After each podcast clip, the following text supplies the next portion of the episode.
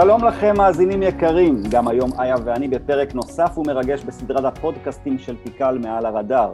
כזכור, אנחנו איה שני ואיתן מסוארי, שנינו חברים בקבוצת הדב-אופס בתיקל, חברת מומחים שפזורה ברחבי התעשייה, ואנחנו כאן מנסים להעביר לכם את מה שאנחנו למדים וחווים ביום יום במשימות שלנו, ובכלל אה, להיפגש עם אה, אנשים מעניינים. אז לגבי אנשים מעניינים, הפרק הזה לא יהיה פרק טכני, אמ, אנחנו מדי פעם רוצים לדבר גם על אמ, דברים רכים, זאת אומרת, אה, מיומנויות שהן פחות איך להתייחס לטכנולוגיה. אה, היום נדבר בעצם על תקשורת בין אנשים, אבל נהיה יותר ספציפיים. נתמקד בתקשורת בין אנשים, בעיקר בעולם ארגוני התוכנה, באזור שאנחנו חיים בו.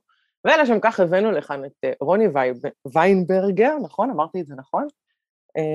אמרת שהוא... נכון מאוד. מעולה. שהוא מומחה בתקשורת אה, מקרבת, כדי שיאיר את עינינו וידבר לנו לתוך הנשמה. רוני כבר המון שנים מלווה מנהלים וצוותים בתעשייה ועוזר להם לפתור קונפליקטים ולהתמודד עם אתגרים שקשורים לאנשים, תקשורת ומערכות יחסים, בעזרות שיטות שהוא פיתח על בסיס תקשורת מקרבת. אז היי רוני. שלום איתן, שלום מאיה, שלום לכל המאזינים. איך מרגיש אז... היום? הכל טוב? נרגש, שמח להיות כאן. אוקיי, כן. כבר, כבר התחלנו ב, באנרגיות אה, רכות, שזה מעולה. אז אה, בוא נתחיל עם השאלה המתבקשת, רוני, אה, איך הגעת לזה? איך הגעתי לתקשורת מקרבת, הכוונה? אכן כן. אוקיי. אה, סיטואציה אה, מקרית, כמו תמיד, דלתות מסתובבות. לפני אני חושב שזה היה קרוב ל-20 שנה. אני נמצא באיזה פעילות התנדבותית במסגרת uh, של אינטל, ביחד עם אנשים מחברות נוספות, ואני קולט מישהי שמתנהלת בצורה מוזרה, משהו בהקשבה שלה, באיך שהיא מדברת, לא, לא ברור לי בדיוק מה, אבל היא ממש ממש מסקרנת אותי, וכשאנחנו מסיימים את הפעילות ההתנדבותית, אני מבקש לשבת איתה לקפה, להכיר אותה טיפה יותר. אני נמשך אליה, לא בקטע רומנטי, נמשך להבין מה קורה שם, אה, ואין לי מושג עדיין מה. וכמה ימים אחר כך אנחנו יושבים בכפר המכבייה, שמונה בבוקר, אני חושב שזה היה יום שני. זה לא רומנטי, שמונה בבוקר, אוקיי, בסדר. לא, רציתי... לא רומנטי. אה, הלובי של כפר המכבייה, אני לא יודע כמה הוא רומנטי גם. רק מה איתכם, אני בשמונה בבוקר לא רומנטית בשום אה, מקום. אנחנו יושבים, קוראים לה מירי, ואני שואל אותה, מה, מה את עושה? תספרי לי קצת. והיא מתחילה להגיד לי שהיא עוסקת בתחום שנקרא תקשורת לא אלימה, שזה בעצם השם הנוסף לתקשורת מקרבת. בלב אני אומר לעצמי, לא רלוונטי, מה עוד? וכשהיא מתחילה לדבר ולספר על מה היא עושה ביום-יום ומה החזון שלה קדימה וכל מיני דברים שהיא עשתה בעבר כמנהלת בית ספר, אני מרגיש בתוכי התרגשות מטורפת וממש מתאמץ לעצור דמעות ש... שרוצות לצאת מרוב התרגשות, זה לא... ואני יוצא משם אחרי שעה, מתחיל לנסוע לכיוון העבודה, עוצר אחרי כמה קילומטרים, ועושה שני טלפונים. טלפון ראשון למנהל שלי, אני אומר לו, תקשיב, אני, אני לא יכול לעבוד היום, אני לוקח יום חופש, הייתי בהצפה רגשית ממש. טלפון שני למירי, אה, ואני אומר לה, תשמעי, אני לא יודע מי, מה, כמה, אני רוצה ללמוד ממך כמה שיותר, הכל, תזמיני אותי לכל מה שאת עושה, אני מוכן לעבוד בחינם, אני אקח ימי חופש, אני רק רוצה ללמוד. ולשמחתי אמרה כן, ושם התחילה הדרך שלי עם תקשורת מקרבת. אה, אה, אני, אני מכיר אותך קצת אה, מלפני, כן, גילוי נאות מאינטל, ואני יודע שאתה היית כדורגלן בנוער של כפר סבא, בלם או קשר אחורי אימתני, שרוב הדור של 72 רעדו ממנו, כולל אבי נימני ואבוקסיס ואפילו ברקוביץ', באו לראות באימונים מי זה הוויינברגר הזה. אחר כך היית קצין בשייטת, אחר כך גם אחרי הצבא המשכת קצת עם כדורגל, הפכת להיות מהנדס, מנהל בהייטק, ואתה אומר לי שאתה דומה עם פגישה, בפגישה עם, זאת אומרת, אתה הופך להיות איש HR, זאת אומרת, איך זה מסתדר? אני לא מצליח להבין את זה. אמ, אני לא יודע כל כך להסביר, בסוף כולנו, הנושא הזה של רגשות נגיד, יש כמובן זה מנגנון שקיים בכולנו, חלקנו מחוברים יותר, חלקנו מחוברים פחות, אני חושב שמירי ותקשורת מקרבת נגעו בי שם באיזשהו משהו מאוד מאוד עמוק, אמ, ש, שכנראה היה חסר לי. אני ו... חייבת להגיד שאני אולי לא הייתי קצין בשייטת ולא שיחקתי כדורגל, לא יצא לי, אבל uh, אני דווקא מכירה את זה, כי גם אני הייתי ביחידה כזאת של גבר-גברים, uh, ודווקא פתאום אחרי, כאילו, בשנות ה-20 וה-30, פתאום גיליתי ש... שהרבה חבר'ה, כאילו, פתאום, uh, סליחה, פרדן מי פרנץ', כן, אבל מסתובבים עם חיתולים על הראש, ומנגנים גיטרה, ונהיים דולפין, ו... אני, אני חושבת שיש קצת משהו, ב, ב, ב, ב, אני קצת סוטה מהתקשורת מקרבת, אבל יש לנו איזשהו דמיון על קצין בשייטת. בסוף זה, זה אנשים הרבה פעמים מאוד רגישים, צריך הרבה, הרבה כדי להגיע למקומות כאלה. אה, אז אני, אז סליחה אם אני הורסת את התיאוריה שאיתן בנה, אבל אותי זה לא מפתיע. זה, לי לא, זה דווקא מסתדר. לגבי אני, לא- כדורגל אני לא יודעת כלום. לא, כן, או, כן, לא. לא הייתי רוצה להיות חלוץ שרוני שומר עליי, אבל אה, לא, זה, זה לא העניין, העניין הוא, אה, זה לא, אה, זה לא להיות אדם רגיש, זה להתעסק ברגישות, להתעסק בדברים שהם רכים, וזה, אני, אני חושב שזה נפלא. אני גם, אני, סליחה, מה שניסיתי להגיד זה שהרבה פעמים פשוט מגיעים לכזאת הצפה מתוך המקום הזה, שחייבים להתעסק עם זה אחר כך פשוט. אבל זה נעשה בפרק על ה-PTSD, לא? אמ, אז, אז רגע, אז בוא נדבר שנייה באמת על מה זה תקשורת מקרבת. תן לנו את ה... בטובך את הפיץ' שלך, תסביר לנו רגע למהנדסים, כי אתה מהנדס בעברך, בוא תסביר לנו רגע מה, על, מה, על מה מדברים היום. אוקיי, okay, אז ראשית, אה, תקשורת מקרבת היא גישה שפותחה על ידי דוקטור מרשל רוזנברג, שהייתה לי הזכות הממש גדולה ללמוד איתו קצת, הוא נפטר לפני מספר שנים. Uh, המהות שלה זה לייצר חיבור בין אנשים שמוביל לנתינה וקבלה מהלב. והמשפט הזה נשמע קצת כמו מלכת יופי, כששואלים אותה מה, מה החלום שלך אומרת שלום עולמי, אז אני אתרגם אותו לשפה ארגונית, כי אם אני בא לסדנאות בארגונים, אני לא אומר את המשפט הזה, אני אומר משפט אחר. עדיף לך כבר לקחת על המחשב זה... לתוך, לכל ילד, אם כבר. משהו בסגנון הזה.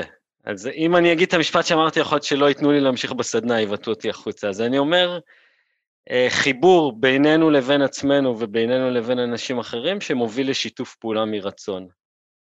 והדגש הוא גם על חיבור שלנו עם עצמנו, גם על אחרים. שיתוף פעולה מרצון זה אני ארצה, אני אשתף איתכם פעולה כי זה מתאים לי, כי אני רוצה, כי אני מאמין שזה משרת אתכם ומשרת אותי, ולא כי אני פוחד מעונש, או כי אני מונע מרגשות אשם, או אני עושה את זה רק כדי לקבל איזשהו פרס, או אני חושב שאין לי ברירה ולכן אני עושה את זה.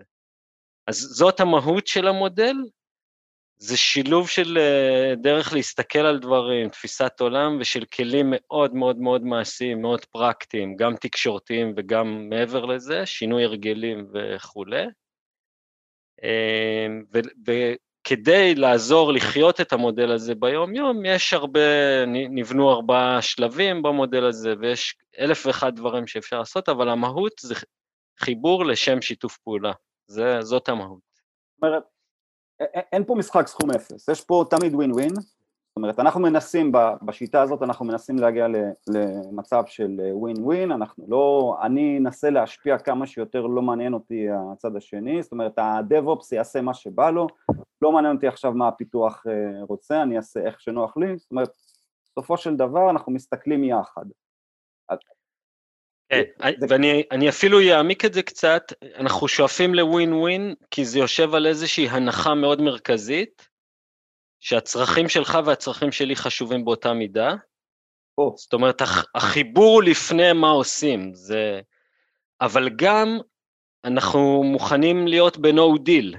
אם אין פה ווין ווין, זה בסדר לא לשתף פעולה, כי זה לא משרת אחד מאיתנו, וזה מצב יותר טוב מווין לוז או לוז ווין. אז כן, הרבה זה- פעמים אין שיתוף פעולה. אבל, אבל, אבל נתת את משפט המפתח, הצרכים שלך והצרכים שלי חשובים באותה מידה. נכון. זה, עכשיו, זה, לא, זה לא קורה ביום אחד, כן? זאת אומרת, צריך לעבוד על זה. זה כי להגיע למצב מנטלי כזה זה לא, זה, זה לא אד הוקי. נכון.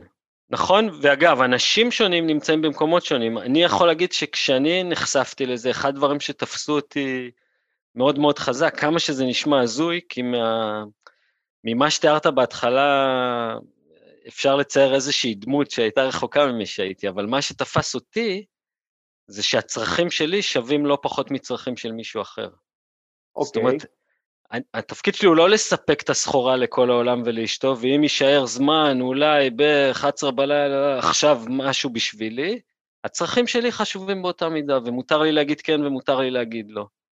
אנשים ו- אחרים, המעבר שלהם הוא באמת לראות את האחר יותר, ולא רק את עצמם או את הצרכים שלהם. ומה מייחד אותך כאדם שעוסק בתחום הזה, בתקשורת מקרבת? אמ, קודם כל, בארץ יש הרבה אנשים שעוסקים בזה. אני חושב שאני אחד היחידים, ובטח הכי הרבה שנים, ואולי בהיקפים הכי גדולים, עובד עם אה, ארגונים ומנהלים. אה, ואני מביא שילוב שלדעתי הוא שילוב די מיוחד של אה, א', מסלול כזה הנדסי, גב... אנרגיות גבריות כאלה, מאוד, מאוד לוגי, מאוד אנליטי. שתיים, הרבה מאוד ניסיון בניהול, יש לי ניסיון של קרוב ל-20 שנה בניהול בעצמי ובעבודה עם מנהלים, ושלוש, זה בדיוק המקום הזה של תקשורת מקרבת וגישות נוספות, היא לא הגישה היחידה. אז כשאני יושב נגיד היום עם מנהלים, אני לפעמים יודע על בעיות שהם הולכים להתמודד איתם עוד לפני שהם יודעים. אז יופי, אה, אז ממש נחמד שדיברת איתנו על מנהלים, אבל עכשיו אנחנו הולכים לעשות לך שיפט מטורף לכל הדבר הזה, כי בעצם אנחנו היינו רוצים לדבר דווקא יותר לכיוון האנשים ההנדזון, זאת אומרת, בגדול מעולה. גם הפודקאסט הזה יותר מכוון אליהם, וגם. כאילו אנחנו יכולים עכשיו לשבת ולדבר שעתיים על איך מראיינים, או איך מנהלים עכשיו צוות בפרויקט, אבל דווקא היינו רוצים להביא את, ה, את המקום שאליו פחות מתייחסים במקומות האלה, כי הרבה פעמים הראשי צוותים שלנו נעלמים לאיזה חדר, ועושים להם איזה סדנה, ואז הם חוזרים ומדברים איתנו על הרגשות שלהם, זה, שלנו, זה קורה, אבל דווקא, בוא נדבר שנייה על האנשים שהם ההנדזון. אז מה שאני ואיתן עשינו זה, חשבנו על כמה סיטואציות שהן כאילו, שאני לא חושבת שיש מישהו שממיליוני, מיליארדי מאזיננו שלא נתקל לפחות באחד מהם, וכאילו היינו רוצים, כמו שאתה אומר, להביא את כל הדברים על השולחן ולפתוח אותם, אז היינו רוצים להביא את, ה, את הסצנות האלה, את הדוגמאות האלה, אמ, ולדבר איתם. אז אני מציגה פה. איזשהו אה, קונפליקט, נקרא לו קונפליקט א', אמ, אז אמ, יש לנו בעיה עם התמודדות עם ביקורת כאנשים. אה, בואו ניקח לרגע לדוגמה ש, אמ, שקרתה לכולנו. אמ, אני כותבת את הקוד של החיים שלי, אני מסתכלת עליו ואני אומרת, oh my god, זה הדבר הכי יפה בעולם, איזה אלגנטי, אין, אין, אין, זהו, כאילו, מדהים. וב code review, ראש צוות דופק לי הערות כאילו אין מחר. זה יכול להיות הקטנות המעצבנות האלה של השם של הפונקציה לא מגדיר את עצמה, אה, השם של הפונקציה זה אני עושה את מה שאני עושה, ואני אתעצבן על זה, וזה גם יכול להיות כל מיני, האסטרטגיה לא נכונה, או... בכל מקרה, זה, זה משהו שאני אבוא אליו מאוד מאוד בטוחה, מאוד גאה בעצמי, ואני פשוט אתרסק שם. תן לנו קצת, כאילו, איך אתה רואה את זה גם מהצד שלי, כאילו, בתוך הסיטואציה הזאת, וגם מהצד של, כאילו, תן לי כלים שכשאני עושה את הקוד ריוויו, איך אני יכולה לתת ביקורת, גם אם אני מסתכלת ואומרת, אלוהים ישמור, איזה פיאסקו, איך אני יכולה ליצור מזה משהו שהוא בונה מהסיטואציה הזו. מעולה. אז בואי נתחיל מ... נלך על הדוגמה הספציפית הזאת ונתחיל משני מצבים מאוד נפוצים של תגובות שכנראה קופצות לנו, ו... ושהן לא דוגמה לתקשורת מקרבת, אבל חשוב להכיר אותן ולהכיר בהן. התגובה הראשונה.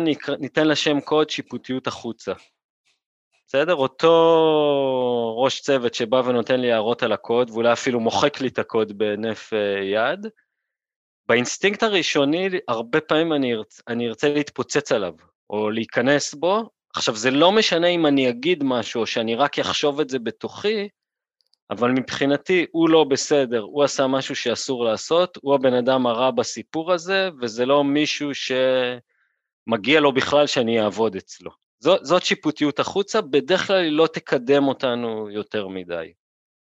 התגובה האינסטינקטיבית השנייה שקופצת ללא מעט אנשים זה שיפוטיות פנימה. הסבירו לי את זה עשר פעמים ואני עדיין לא עושה את זה, ידעתי שזה מה שיקרה, אני לא לומד, או לחילופין, אני לא מספיק אסרטיבי, אם הוא היה עושה את זה למשה, משה כבר היה נכנס בו, הוא מרשה לעצמו להיכנס בי כי אני חלש, זה שיפוטיות פנימה. ובשני המצבים האלה אנחנו יוצרים ניכור, לא חיבור, ניכור גם בינינו לבין עצמנו, מלקים את עצמנו, רגשות השעה, מיסור המצפון, וגם בינינו לבין אחרים. הסיכוי וואו, שיצא, זה לא ווין ווין.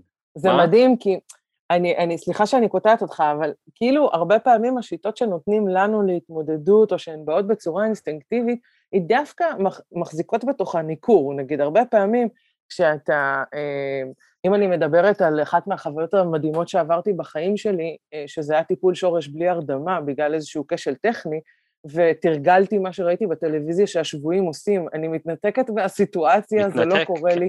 ויש המון פעמים שאומרים, גם עם ביקורת, אה, אל תיקחי את זה אישית, תתנתקי מהסיטואציה, אל ת... כאילו, הרבה פעמים האינסטינקט שלנו דווקא להדוף את זה, ופה אתה אומר, רגע, חכי שנייה, לפני שאת uh, הולכת לך לאיזה עולם דמיוני, בואי כן תהיי בתוך הסיטואציה. כן, אז אני אגיד, קודם כל המנגנון ההישרדותי החזק שלנו הוא לעשות בדיוק את הדברים שאמרתי, והדבר השלישי זה מה שאת אמרת, להתנתק. זה בדיוק ה freeze, freeze ו flight. אני עוד, אני עוד בטיפול שורש בלי הרדמה, תסלחו לי. עזוב איתן, אתה לא רוצה לדעת זה במסגרת של הדברים שקורים רק לי, יש לי אנומליה אוקיי. בשורש של השן, צומח לכיוון נכון. עזוב, אתה לא רוצה לדעת. אמ, אז בקיצור, הדברים האלה, אמ, איה, לא היית קצין בשטח ולא היית כדורגלן, אבל עשית טיפול שורש בלי הרדמה, אז... אז אני בסדר. זה שווה עשר שנים בכל אחד המקומות האלה. בוא, כל אישה יולדת, עזוב, זה לא כל אישה, נכון, אבל הרבה נשים נכון, יולדות, נכון. עזוב. עזוב אותך סדנת. שלי. אוקיי. נכון. אמ, אז הדברים שהזכרתי יקפצו לנו כמעט תמיד, הם לא ייעלמו, ועכשיו השאלה אם אנחנו נותנים להם לנהל אותנו, או שאנחנו אה, בוחרים לנהל בטיפ, בדרך אחרת את הסיטואציה. ואם אני לוקח את זה לתקשורת מקרבת, אז בגדול יש שלושה דרכי, אה, שלוש דרכי תגובה. אנחנו תמיד מתחילים בחיבור עצמי, עוד רגע אני אגיד מה זה אומר, ואז אנחנו יכולים או ללכת למקום של הקשבה אמפתית, או ללכת למקום של ביטוי עצמי אותנטי. חיבור עצמי במקרה הזה, אנחנו חוזרים לאותו ראש צוות שנותן לי הערות על הקוד, או מוחק לי את הקוד. אני רגע רוצה להבין מה קורה עם עצמי, לפני שאני מגיב. ויכול להיות, בתקשורת מקרבת, מה קורה עם עצמי, הרבה פעמים זה איך אני מרגיש, מה אני צריך. אז רגש, שאני מנסה להיכנס לסיטואציה נגיד, זה אני בטח מתוסכל, או כועס, או חסר אונים, או משהו בסגנון הזה, וכשהרגשות האלה קופצים, הם תמיד סימן לצרכים חשובים שלנו שלא מתמלאים. זאת אומרת, מה שהראש צוות אמר הוא לא המקור לרגשות, הוא איזשהו טריגר, המקור לרגשות זה הצרכים שלנו, שמתמלאים או לא mm-hmm. מתמלאים. אז למשל, אם אני כועס, יכול להיות שזה צורך בהערכה, או בחופש, או באוטונומיה שלא מתקיים. אם אני מתוסכל, אולי זה צורך בהתקדמות. רציתי להיות במקום אחר ואני רואה שאני תקוע ב... זה, באותה סיטואציה זה יכול להיות הרבה דברים שונים. אז בשלב ראשון אני רוצה להבין אה, מה עובר עליי, איך אני מרגיש, מה הצרכים החשובים שלי שכרגע לא מתמלאים. כשאני מחובר לדבר הזה, זה חיבור עצמי, עכשיו אני יכול לבחור האם לצאת בביטוי עצמי, לא לצאת על המנהל שלי, לצאת אל המנהל שלי, בביטוי עצמי, להגיד משהו שמאוד חשוב לי, את האמת שלי, או דווקא להיות במקום הקשוב האמפתי. ניתן לזה שתי, שתי דוגמאות. אה, לצאת בביטוי עצמי, אם מה שחשוב לי נגיד זה, זה הערכה, אז אני יכול להגיד משהו בסגנון, אתה יודע, עבדתי על הקוד הזה במשך uh, שלושה שבועות, אני מבין שאולי אפשר לעשות אותו בצורה יותר איכותית, אבל חשוב לי מאוד שאם יש לך הערות, אז תגיד אותם בדרך מסוימת ושלא תמחוק לי את הקוד. וגם, יש פה אולי משהו שבניתי אותו, אתה לא מבין את הלוגיקה, תן לי להסביר אותו רגע כדי שתבין את ההיגיון. משהו בסגנון הזה, זה ביטוי עצמי. עכשיו, כשאני אמרתי את זה בצורה הזאת, לא אמרתי למנהל שלי, אתה לא בסדר, לא אמרתי, לא נכנסתי בו, שמתי את הצורך החשוב שלי על השולחן, ביטאתי את עצמי, אני מגדיל את הסיכוי לשיתוף פעולה. אני לא מבטיח לא אותו. רק, זה לא רק לבוא ולהגיד, אה, זה לא נעים לי, שזה נחמד, אבל זה לא בונה שום דבר, זה פשוט יוצר עוד אנטגוניזם, או שפשוט זה יוצר חוסר שיחה, כי אומרים, טוב, לא נעים לה, בואו נעזוב אותה. אתה אומר, קודם כל, הדבר הזה של החיבור, שאתה אומר, השאלה היא איך, אתה מרג... איך אני מרגישה ומה הצרכים שלי, שאני חושבת שזו תוספת מעולה, ואז לגשת לסיטואציה, ואתה נותן לנו שתי אופציות, או לבטא את עצמי, או ל... אה, אוקיי, עכשיו, השאלה או הקשבה, שלי... כן. סליחה. עכשיו, השאלה שלי היא כזו, איך בתוך סיטואציה כזאת אתה מוצא את האוויר? אתה מבין מה אני אומרת? כי אתה נגיד אמרת רגשות שהם נורא, הם אחלה, אני מאוד שמחה בשבילך שאתה חש אותם בקוד ריוויו, אבל יש רגשות שהם יותר קשים, כמו, כאילו תסכול בסדר, אז אחלה, אני מכירה את התחושה הזאת, אבל לפעמים יש תחושות שהן יותר מערפלות, כמו להיעלב, אה, לפעמים אני אקח את זה ממש, אתה יודע, אני אקח את זה ברמה של... עכשיו, כל אחד זה יושב לו על הנקודה. אני, אה, לדוגמה, היו לי כמה פעמים שעמיתים לעבודה שלי חשבו שאני מאוהבת בהם, כי אני מסמיקה כשאני לא יודעת, אוקיי? והיה צריך לפתוח את זה ולדבר על זה. עכשיו, אני, אני לפעמים נעלבת במקום הזה שאתה אומר, אתה מביע את זה בצורה שאתה אומר, טוב, אני כבר יודע את זה, איזה אבא אני, איזה באסה, פעם הבאה אני, אני יודע שמשתנה מתנהג ככה. אני לא, אני כאילו הלב, אני אסמיק, אני זה. עכשיו, אני כאילו, גם, בואו, אני לוקחת פה את ה... בכל הסיפור הזה של הפודקאסט הזה, אני מקצינה את העמדה הנשית והזה, כי אני כאילו מפנקת אתכם בזה שאני אגיד את הדברים האלה. אה, אני בסדר בדרך כלל בקטעים, אבל יש רגשות שהם יותר מערפלים. אז אני רוצה ששנייה אחת, ממש בקצרה, אם תוכל להתעכב על החלק הזה של להתחבר לעצמי, גם כי אנחנו מדברים למהנדסים, ויש הרבה אנשים שאפילו השאלה הזאתי מעלה אצלם קשיים, מה אני מרגיש? לא יודע, מה אני מרגיש? מרגיש, רגשות. כן. אני אענה לזה, בכ... השאלה היא מאוד במקום, שואלים אותי הרבה את השאלה הזאת, אני אענה בכמה אופנים. אחד, כן, באמת, במצבים מסוימים, אה, זה לא תהיה לנו את הבהירות הזאת, או את הזרימה הזאת, לא נדע מה עובר עלינו, איך אנחנו, ונגיב באיזושהי צורה שאולי אחר כך נתבאס עליה. ככל שהמצב יהיה יותר מאתגר, הסיכוי שזה יקרה זה יותר, הוא יותר אה, גבוה. עכשיו, בדומה לדברים אחרים שאנחנו עושים, ללרכב על אופניים או ללמוד שפה, גם זאת שפה. אם אני מתרגל רגשות, וזה מה שעבר עליי, אני בתור התחלה כשנחשפתי את זה, היו שואלים אותי איך אני מרגיש, סבבה, אחלה, על הפנים, הכל טוב, מה קורה, מה נשמע. לא ידעתי איך אני... בסוף יש סט של אה, רגשות, כמה עשרות מילים, שמתארות את הצורה שבה אנחנו מרגישים, וכשרוכשים את המיומנות הזאת, וכנ"ל לגבי צרכים, המודעות מאוד מאוד מתגברת, ומאפשרת גם בזמן אמת לתפוס את זה. הדבר הנוסף שחשוב להבין, לשמחתנו ולצערנו, שרוב המצבים שאנחנו פוגשים בחיים הם לא כאלה ייחודיים. זאת אומרת, גם אם אני מנתח איזושהי סיטואציה בדיעבד, א', היא תיתן לי איזושהי רווחה נפשית, כי לפחות אני אדע מה עבר עליי, סוג של עיבוד, אני לא צריך ללכת לפסיכולוג במקרה הזה, או סוג של עיבוד רגשי, וב', הסיכוי שמחר בבוקר או בעוד שבוע, אני, אם זה אותו ראש צוות, כנראה שגם בעוד שלושה ימים הוא יעשה לי את אותו תרגיל עם הקוד. וכשזה יקרה לי פעם הבאה, אחרי שכבר עשיתי את העיבוד, אז אני לא אהיה בנקודת פתיחה שהייתי קודם, אני כבר אהיה בנקודת פתיחה סמי מעובדת. בסדר? כן, וגם צריך, אני חושבת, באיזשהו מקום להיות צלחני כלפי עצמך ולהיות בסדר לגמרי. עם זה, שאתה מגיב בדיעבד ושאתה קולט את זה, וזה באמת עניין של אימון, הרבה פעמים במצבים כאלה בחיים, אנחנו מזהים בדיעבד, מתבאסים, מזהים בדיעבד, ואז פתאום יש את הרגע הזה של האפיפני של ההערה, שאתה יושב ואתה אומר, היי, זה קורה עכשיו, ואני הולך להגיב לזה, ואז אתה מגיב חרא, ואז אחרי כמה פעמים כאלה אתה כבר אשכרה מתחיל אה, לחוות את הרגע. אז כאילו צריך לתת איזה רגע.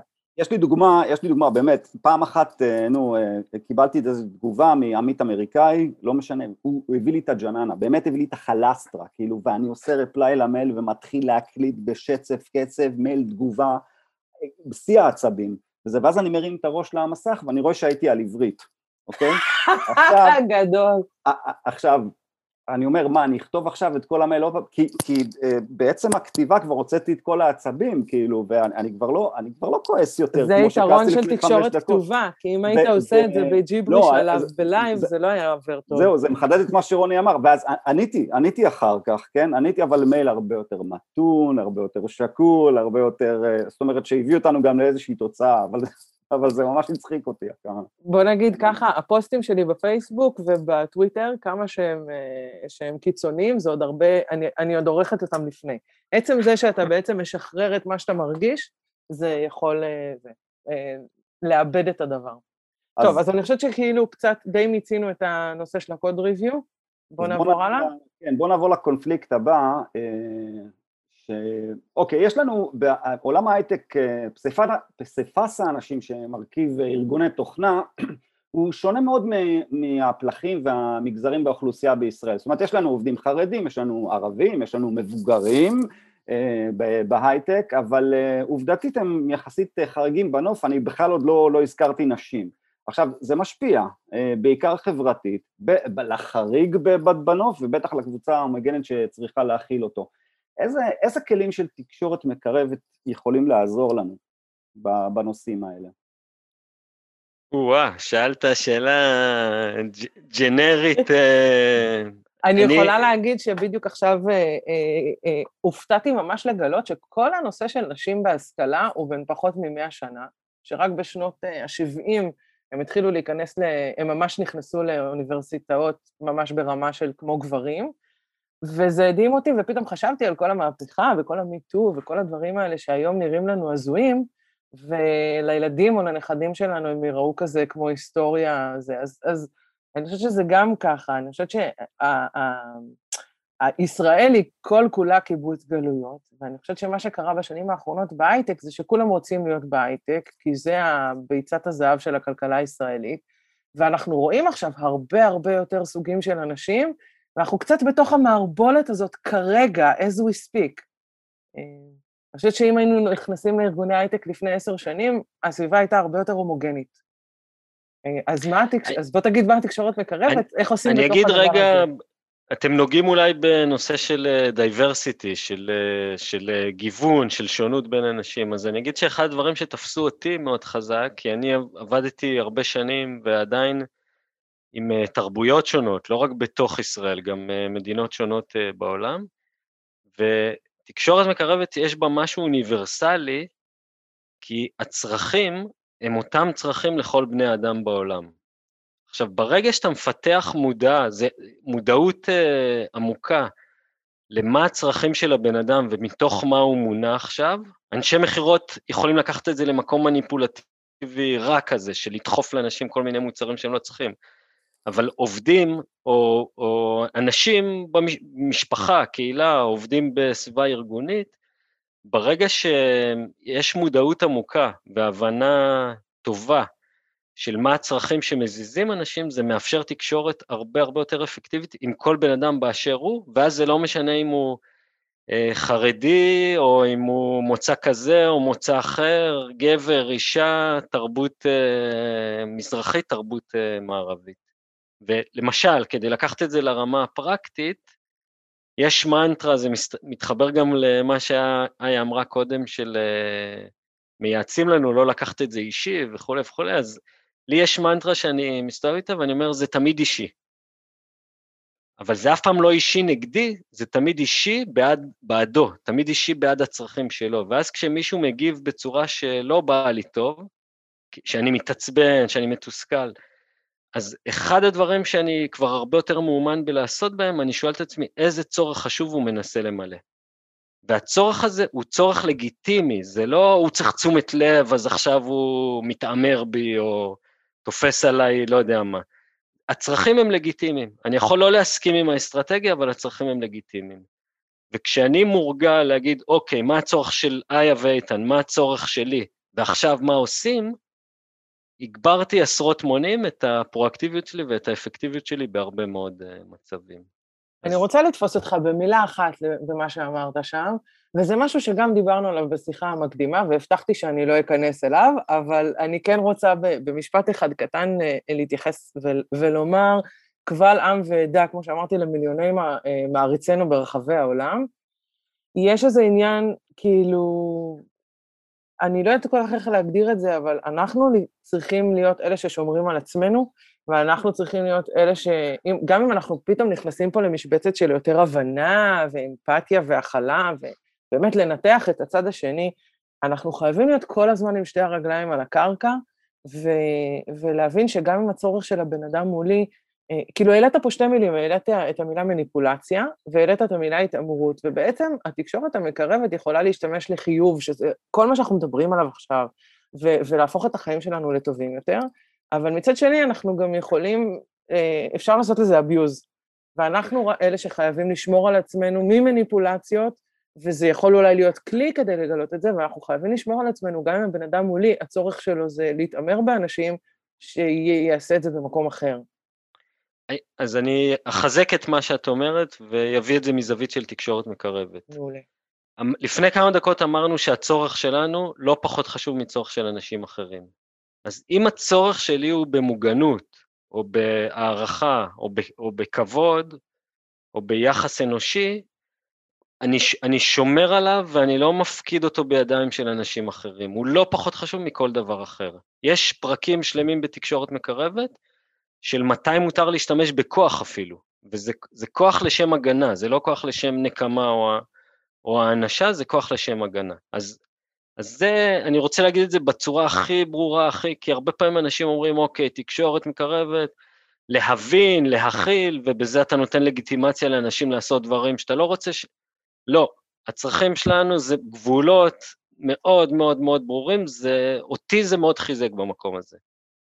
החידוד הנוסף, אם מישהו אה, מתעמר או מתעלל בי, זה לא כי יש לו צורך לעשות את זה, זאת, בתקשורת מקרבת קוראים לזה אסטרטגיה, זאת דרך פעולה שהוא בוחר בה, כדי למלא צרכים אחרים אצלו, צרכים שהם לגיטימיים. עכשיו, הדרך יכולה להיות לא לגיטימית לחלוטין ואני אעצור אותה. הצורך יכול להיות צורך בהערכה, צורך בכבוד, צורך באני לא יודע מה.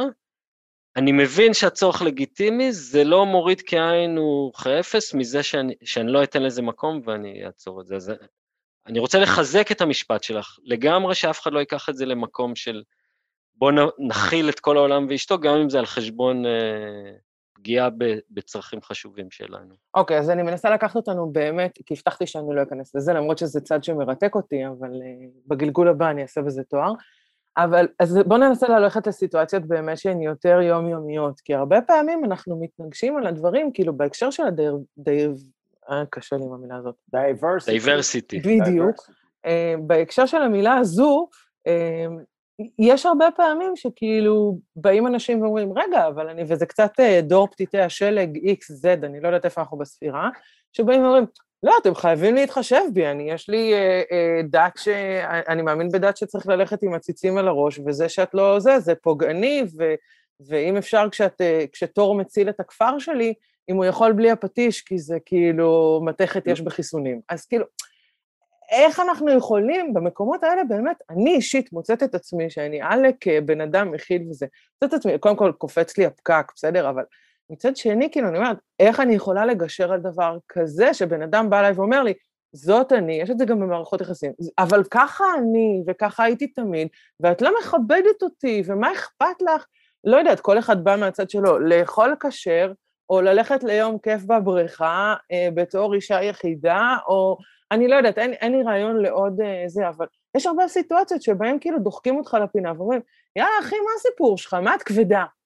אה, זאת, ככה אני, כל החיים שלי גדלתי ככה, ואיך פה אפשר לגעת בנקודה הזאת? כי פה זה הדייברסיטי האמיתי. פה אני מרגישה את החריגות שלי, ואיך אני מצליחה לתקשר אותה החוצה, או להפך, פה מרגישים את החריגות של המישהו האחר, ואיך אני יכולה לגרום לו להבין שהוא עכשיו דופק יום כיף ל-132 איש. אז, אז אני אתן דוגמה שקרתה, שמתחברת מאוד לנושא הזה ושקרתה לי לפני מספר שנים. אני מארגן יום כיף למחלקה שלי ב... על חוף הכינרת. יש בינינו כמה חבר'ה שהם אה, חרדים, דתיים, שכל הנושא של אה, להיות עם בגדי ים, נוכחות של גברים נשים, אה, יכולה להיות מורכבת עבורם. ואני בתור מי שמחזיק את היום כיף הזה, אני מצד אחד רוצה מקסימום כיף וחופש וזרימה לאנשים, ומצד שני אני כן רוצה להתחשב באנשים שהדבר הזה מפריע. אז אני עושה כמה שיחות עם, עם אנשים שונים, ובמקום הזה אני, אני מנסה באמת לחדד את הצרכים של הגם וגם. אז מצד אחד, כבוד לאמונות ולערכים מסוימים, ואני רוצה שכולם ירגישו בנוח. מצד שני, אה, חלק מלהרגיש בנוח, בנוח זה לעשות כיף, ואם יש אה, קרוב ל-40 מעלות חום, זה להיכנס עם בגד ים למים ולא להתלבש אחר כך ב... וכשמחזיקים את הגם וגם הזה, כן אפשר למצוא פתרונות, אם, אם שני הצדדים מעוניינים, כי בדוגמה שתיארת, אולי הבן אדם בכלל לא סופר אותך ואת הצרכים שלך, ואז זה לא תקשורת מקרבת. אם הוא סופר, מתחילים להגיד, אוקיי, אז איך אפשר לפגוש את הגם וגם? ולמשל, מה שאנחנו עשינו, עשינו מתחם מסוים שהוא היה יותר סגור, שבו עשינו חלק מהדברים, ובו ישבו חלק מהאנשים כשזה פעילויות שפחות קשורות למים, והיה אפשר לצאת ולהיכנס, וביקשנו לשמור על, על אה, תנאי לבוש מסוימים כאן ולהשתחרר לגמרי שם. אז uh, אני חושב שהמפתח פה, הגם וגם, הוא לא רק שלך, הוא גם של הבן אדם שאת מדברת איתו. ואחד הכלים החזקים שאני משתמש בהם הרבה, זה לשאול את הבן אדם, uh, מ-1 עד 10, כמה באמת חשוב לך הדבר המסוים הזה? כי אם הוא יגיד לי 8 או 9 או 10, אז אני מבין שזה מאוד מאוד חשוב לו. אם הוא יגיד לי 4-5, אוקיי, בסדר, וכנ"ל הפוך. עכשיו, אם בן אדם אומר לי 10 על הכל, בדיוק. אז, אז, לא, אז זה לא עובד ככה, אז אני אומר לו, אתה לא יכול להגיד לי שהכל חשוב לך מאוד מאוד כל הזמן. זה... אז אתה מאמת אותו עם, עם סולם, אתה, אתה כאילו פשוט מאמת אותו עם עצמו ואומר לו, בוא תדרג לי את זה. אבל, נכון, אבל זה, זה פחות ממקום של לאמת ויותר ממקום של חשוב לי להבין, כי אם זה סופר, נגיד בוא נדבר על זוגיות, או על מישהו שאת עובדת איתו, על... אם הבן אדם זה ממש בנשמתו, ואני מחפש חיבור, ברור שאני רוצה לבוא לקראתו. אם שנינו בתשע, עשר, אוקיי, מה עושים? אבל אם אני בשלוש והוא בתשע, אני משחרר בלי לבזבז על זה עוד גרם אחד של אנרגיה. לך שהזוגיות שלי, אני גיליתי את המפתח לזוגיות, קראתי כתבה לפני איזה עשר שנים על, אה, על זוג שרב על, אה, על הצד של הנייר טואלט, אם זה צריך להיות קדימה או אחורה, באותו הרגע אמרתי, זהו, אני משחרר את הנייר, פשוט עברתי ב mind שלי אחד-אחד את כל הדברים שהם הנייר טואלט הזה, ואמרתי, אה, שחררי, כי אחרת תהיי crazy cat lady. ואנחנו לא רוצים שזה יקרה. חלילה. אז, אז בואו בוא נעבור לקונפליקט הבא. אה, אחת מהטעויות הנפוצות שאנחנו עושים זה נתינת משקל יתר לשיפוטיות. אתה, אתה ציינת את זה, אתה גם נגעת בזה בקונפליקט הראשון. אה, אני, אני יודע ששיפוטיות אה, נובעת מצרכים הישרדותיים, כי אם זה גדול, יש לזה ניבים חדים, זה רץ לעברך, אז תברח, אין, אין זמן לרעיונות עומק, ו-99% שהדבר הזה הולך לעשות ממך המבוגר, אבל, אבל היום שיש לנו את הזמן לנשום ולראות את כל התמונה, אנחנו עדיין נמנעים אה, מלעשות את זה וישר נוטים לשפוט עובדים, קולגות, מנהלים, אה, אנחנו נמצאים לנו פרופיל בראש אה, טוב או רע, שלא תמיד תואם את המציאות. איך תקשורת מקרבת יכולה לעזור לנו לא ליפול בפח הזה? אמ, הדבר הראשון הוא המודעות, זאת אומרת, מה שאמרת זה מאוד חשוב, המודעות לכך שאנחנו בטבע שלנו אנחנו שיפוטיים, זה מנגנון הישרדותי, אבל שהשיפוטיות היא לאו דווקא תיאור של מה שקורה במציאות, אלא של איזושהי פרשנות שלנו לזה, אז להיות מודעים לזה, ולנסות לפרק את מה שקורה, אולי עוד רגע אני אתן דוגמה, את מה שקורה מהסיפור שלנו על מה שקורה, זה השלב הראשון. השלב השני, לחפש את הצורך. כשאני מוקפץ, מישהו הקפיץ אותי, אני מוקפץ ואני שיפוטי כלפי משהו, זה תמיד סימן שיש שם צורך חשוב עבורי שלא מתמלא. ובתקשורת מקרבת, אתם שומעים את זה כבר הרבה פעמים בשיחה הזאת, אני הולך דוך לצרכים, אני אפילו לא אעבור דרך הרגשות לפעמים בסביבות ארגוניות ועסקיות, כי חלק מהאנשים זה יביך אותם, זה לא מתאים להם, זה לא החוזה שהם חתומים, אבל צרכים, שבמילים אחרות זה מה חשוב, תמיד נמצא שם. ואני יכול לתת דוגמה, או שאתה תביא לי איזושהי סיטואציה, שנעבור דרך שיפוטיות להבנה של אה, צורך. אמ, תגיד לי, איתן, אם יש לך משהו בראש, אם לא, אני אזרוק, יש לי הרבה דוגמאות. אה. תראה, אני הייתי בהרצאה שלך פעם על שיפוטיות, אבל, אה, אבל, אבל זה לנושא אחר. תביא, תביא אתה, נראה לי... נראה לי אני אביא?